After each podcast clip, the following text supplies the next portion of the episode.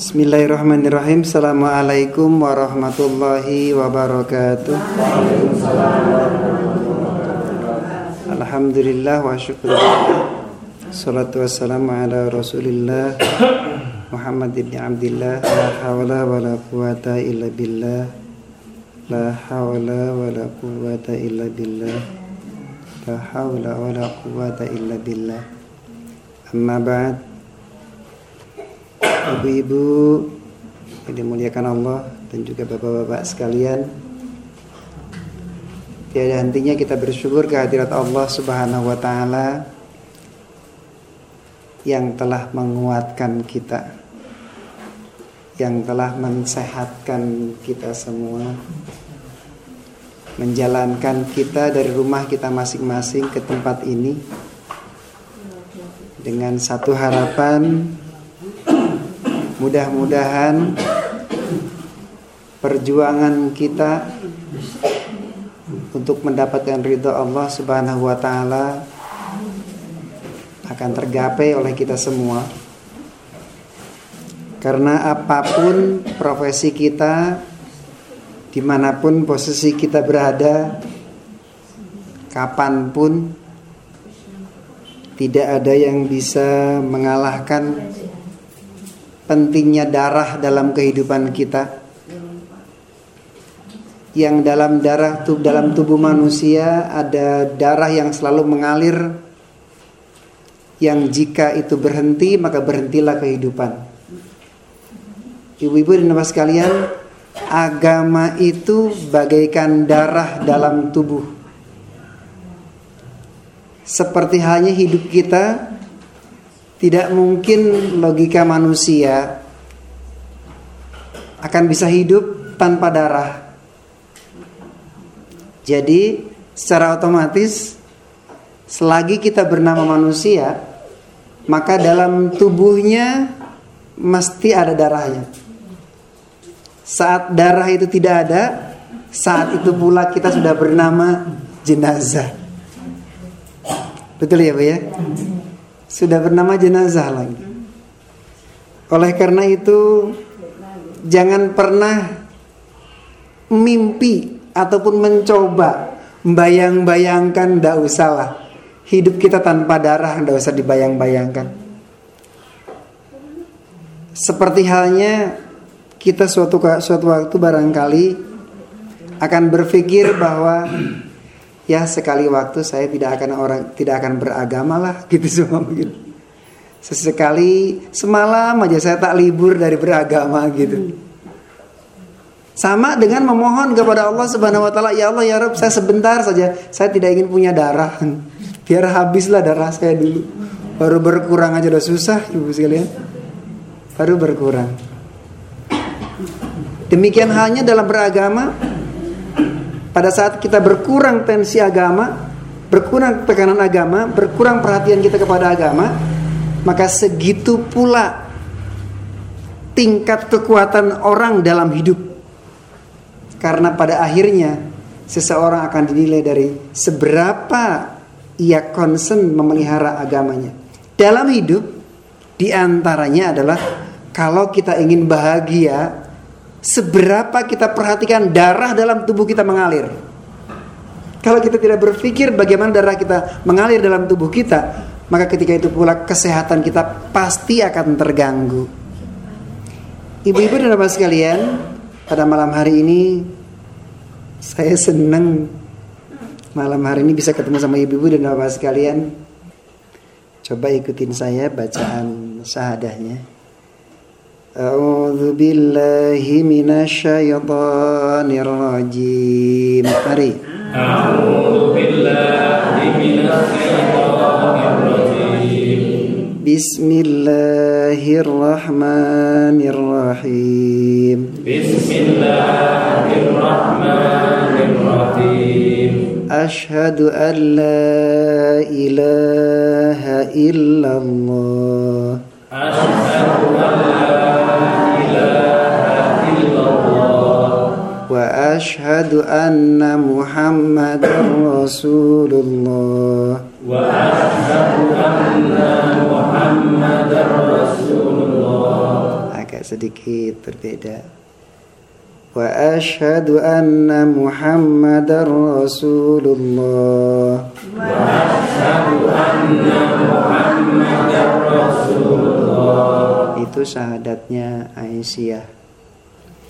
Ibu-ibu dan bapak sekalian yang dimuliakan Allah Subhanahu wa taala, dalam kehidupan kita yang kadang-kadang kita terlupakan, yang kadang-kadang kita terlena dengannya, apa itu? Sehat. Sedangkan kita semua malam hari ini alhamdulillah karena sehat kita bisa hadir di tempat ini. Karena sehat Allah Subhanahu wa taala berikan kepada kita sekalian, kemudian kita menikmatinya dengan bersyukur pada Allah.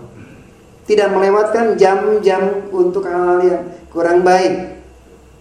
Betapa menderitanya orang yang sehat, betapa susahnya orang yang sehat, eh, maaf orang yang sehat orang yang sakit betapa resahnya orang yang sakit gak bisa berbuat banyak. Ibu dan bapak sekalian bila kita sehat ada nikmat di dalam ngantuk. Ada nikmat. Ya Allah ya Rob ketika kita sedang sehat lalu tiba saatnya ngantuk lalu kita berjalan menuju ke pembaringan bisa kita nikmati ya Allah. Kalau kita sehat di dalam kenikmatan itu maka Islam ajarkan kepada kita sekalian untuk memohon kepada Allah, untuk bersyukur kepada Allah atas hadirnya ngantuk. Sebab ternyata ngantuk itu adalah bagian dari sistem yang diberikan Allah kepada setiap manusia.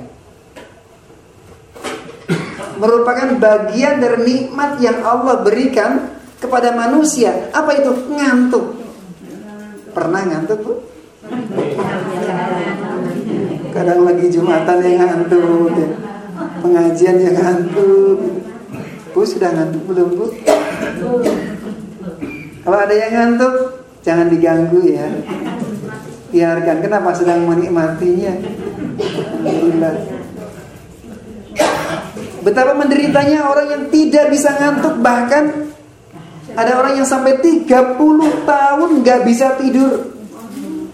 Jangankan tidur, ngantuk aja enggak. Oleh karena itu ibu-ibu dan bapak sekalian, mari kita bersama-sama mensyukur nikmat Allah Subhanahu wa taala yang Quran menceritakan kepada kita sekalian, aku ciptakan siang untuk usahamu, untuk hidupmu, dan aku jadikan malam sebagai tempat istirahat bagimu. Dulu zaman dulu kalau lagi dulu kalau pengajian semalam suntuk saya bangganya minta ampun. Seneng banget. Ngaji dari mulai maghrib, isya, malam makan sebentar, ngaji lagi terus sampai menjelang pagi sampai jam 4 pagi. Bangga sekali. Sampai terus begitu dilakukan. Baca Quran terus semalaman suntuk ya Allah ya karena nanti siang tidur. Eh rupa-rupanya setelah Quran-Quran dibaca bolak-balik itu ternyata dia dalam Quran ada ya aku ciptakan malam untuk istirahat bagimu gitu ya. Ya Allah ya Rob, ternyata selama ini ada cara hidup yang kurang benar. Akhirnya apa? DPR-nya Inggris mengumumkan sekarang dilarang orang bekerja semalam suntuk. Itu di Inggris undang-undangnya dirubah. Kalau dulu diperbolehkan di Inggris itu siapa pun yang mau bekerja siang atau malam boleh. Sekarang sudah nggak boleh. Jadi ada orang bekerja semalam suntuk itu tidak boleh sekarang. Gimana itu di negara Inggris? Karena ternyata efek dari bangun semalaman itu walaupun sehari yang tidur sehari boleh tidur, malam boleh bangun dibalik begitu. Nggak jadi. Ternyata hasil akhirnya adalah endingnya Orang yang selalu bangun semalam suntuk dan siangnya tidur akan terjadi masalah dalam hidupnya. Oleh karena itu luar biasa Rasulullah bimbing kepada sekalian untuk ngantuk kamu segera. Bahkan kita paham jika menjelang isya kau ngantuknya luar biasa tidurlah terlebih dahulu. Kenapa itu? Karena ada kenikmatan yang luar biasa yang akan membahayakan kita pada saat-saat di mana datangnya ngantuk, tapi kalau nggak tidur, nggak ditidurkan, itu akan jadi masalah. Wajar pula jika di siang hari ada tuntunan jika engkau mau tidur pada duhur tidurlah.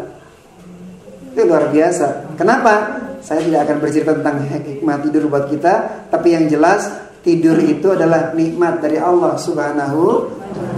Oleh karena itu ibu sekalian, nanti mah mengaji jangan malam-malam ya. Coba pulang, tidak capek. Jangan lupa ngantuk adalah karunia dari Allah Subhanahu wa taala yang menandakan bahwa tubuh kita sedang bekerja dengan baik. Sistemnya bekerja maksimal. Allah luar biasa untuk kita sekalian sayang sekali pada kita. Karena kekuatan tubuh manusia ada batasnya.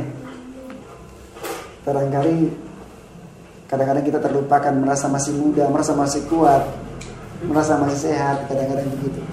Suatu ketika akan jatuh juga. Saat sehat, begitu bangun tidur, ya Allah, kenapa kita harus alhamdulillah di akhir dan seterusnya? Kenapa harus berdoa begitu bangun tidur? Karena satu, orang tidak akan pernah ada yang sanggup tidur ditentukan sendiri, gak ada. Yang kedua, adakah di antara kita yang bisa bangun sendiri? Tidak ada. Kenapa? Karena tidur ditidurkan Allah, bangun dibangunkan Allah. Oleh karena itu, begitu bangun, maka merupakan sebuah kenikmatan yang luar biasa untuk kita sekalian. Saat kita bangun, muncul seluruh harapan hidup. Begitu bangun di pagi hari, hirup udara yang segar. Bisa melihat ke kanan, ke kiri anak kita ada di kamar sebelah, kita masih bersama dengan suami atau istri kita. Masih ada mereka bersama dengan kita. Kecuali kalau saya sendirian, bu nikah lagi bu. Kalau mau melek. Maka kalimat yang pertama begitu bangun apa yang dilakukan? Alhamdulillah. Bersyukur pada Allah. Karena bangun itu jangan sepelekan. Tidak semua orang bisa bangun. Enak nikmat. Gak semua orang. Oleh karena itu pada saat kita bangun Alhamdulillah. Bisa membuka mata. Alhamdulillah. Bisa menghirup udara. Alhamdulillah Ya Allah ya Rabb Bisa berjalan kaki menuju ke kamar mandi. Alhamdulillah. Besok ah saya buka warung. Ah saya mau masak. Dan seterusnya. Ada harapan hidup di dalam bangun untuk melanjutkan perjuangan ibadah selama di dunia. Jangan anggap sederhana. Karunia dari Allah Subhanahu wa taala sarapan pagi bangun tidur terus ada sarapan pagi bisa bersama dengan keluarga atau tidak tapi kita bersama-sama nggak di rumah sakit ya Allah ya walaupun cuma sama ini labuhnya nggak apa-apa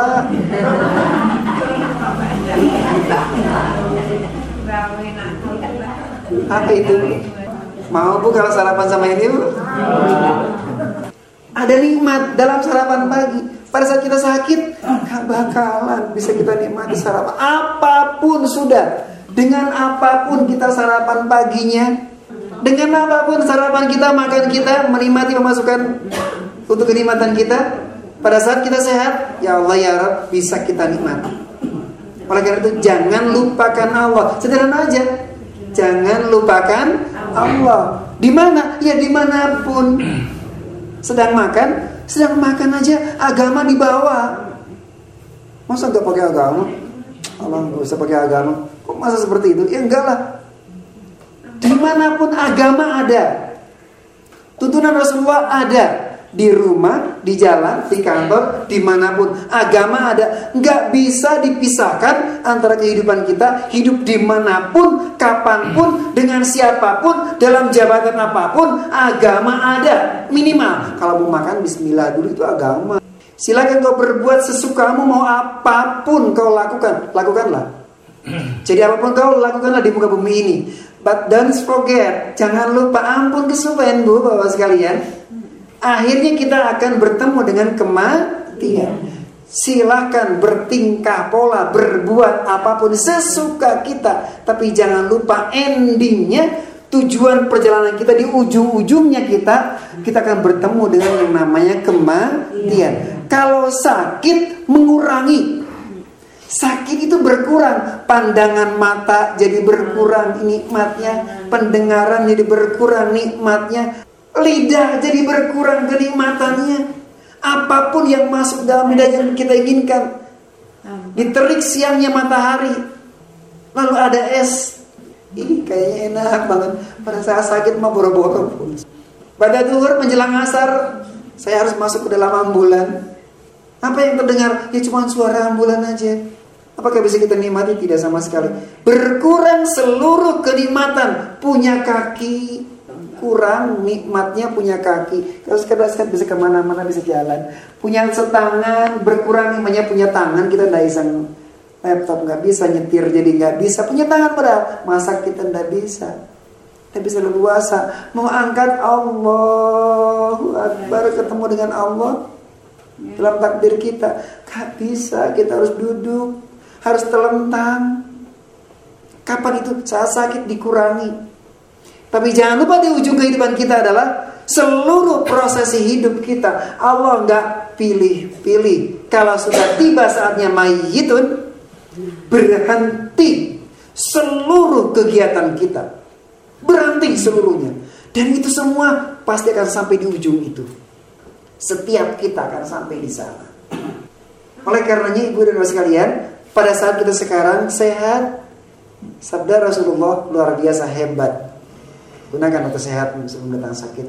Kenapa? Karena sudah sakit, nikmat hidup dikurangi seluruhnya berkurang. Begitu sakit, ujung berikutnya apa? Pesan. Dan begitu meninggal dunia kita, berhenti kita jadi suami, berhenti kita jadi guru, berhenti kita jadi pedagang, berhenti kita menatap anak dan istri kita, berhenti kita bisnis apa pun dalam kehidupan kita, berhenti persahabatan, berhenti persaudaraan, seluruhnya kat selesai sudah. Berhenti semuanya. Kapan? Saat kita menjadi jenazah, menjadi mayit. Fa innaka mayyitun. Oleh karena itu, ibu-ibu dan bapak sekalian, mari kita bersama-sama nikmati hidup, syukuri hidup dengan menjaga kesehatan dan memelihara kesehatan. Kemudian setelah itu menikmati kesehatan dengan rasa syukur pada Allah Subhanahu wa taala yaitu menggunakan kesehatan. Jangan pernah gunakan langkah kaki kita untuk sesuatu yang kata Allah kok jangan gitu mas? Gunakan lisan kita. Mumpung kita sekarang sehat untuk apa untuk yang Allah boleh yang Allah nggak boleh, udah janganlah. Kenapa? Karena ujung-ujungnya fa'innaka mayyitun karena kita semua akan berakhir. Ibu dan Bapak sekalian, mudah-mudahan Allah Subhanahu wa taala kuatkan kita. Mudah-mudahan Allah Subhanahu wa taala sehatkan kita. Mudah-mudahan Allah Subhanahu wa taala tetapkan iman Islam kita. Mudah-mudahan Allah Subhanahu wa taala tambahkan ilmu kita karena hidup tanpa ilmu sasara susul. Oleh karena itu, ibu dan bapak sekalian, pantas barangkali Profesor Hamka menyatakan bahwa hidup dengan ilmu terasa mudah dan hidup dengan iman terasa indah. Maka dari itu, mari kita nikmati hidup yang singkat ini, hidup yang tidak tahu kapan akan berakhir Hidup yang tidak tahu kapan dipanggil oleh Allah Subhanahu wa taala yang tidak ada istilah tanggung, nggak ada. Tidak akan pernah bergeser waktu walaupun kita tanggung. Mudah-mudahan bermanfaat buat kita semua. Jazakumullah Terus sekalian. Mau dimaafkan jika ada kekurangannya. Kita hidayah. Assalamualaikum warahmatullahi wabarakatuh.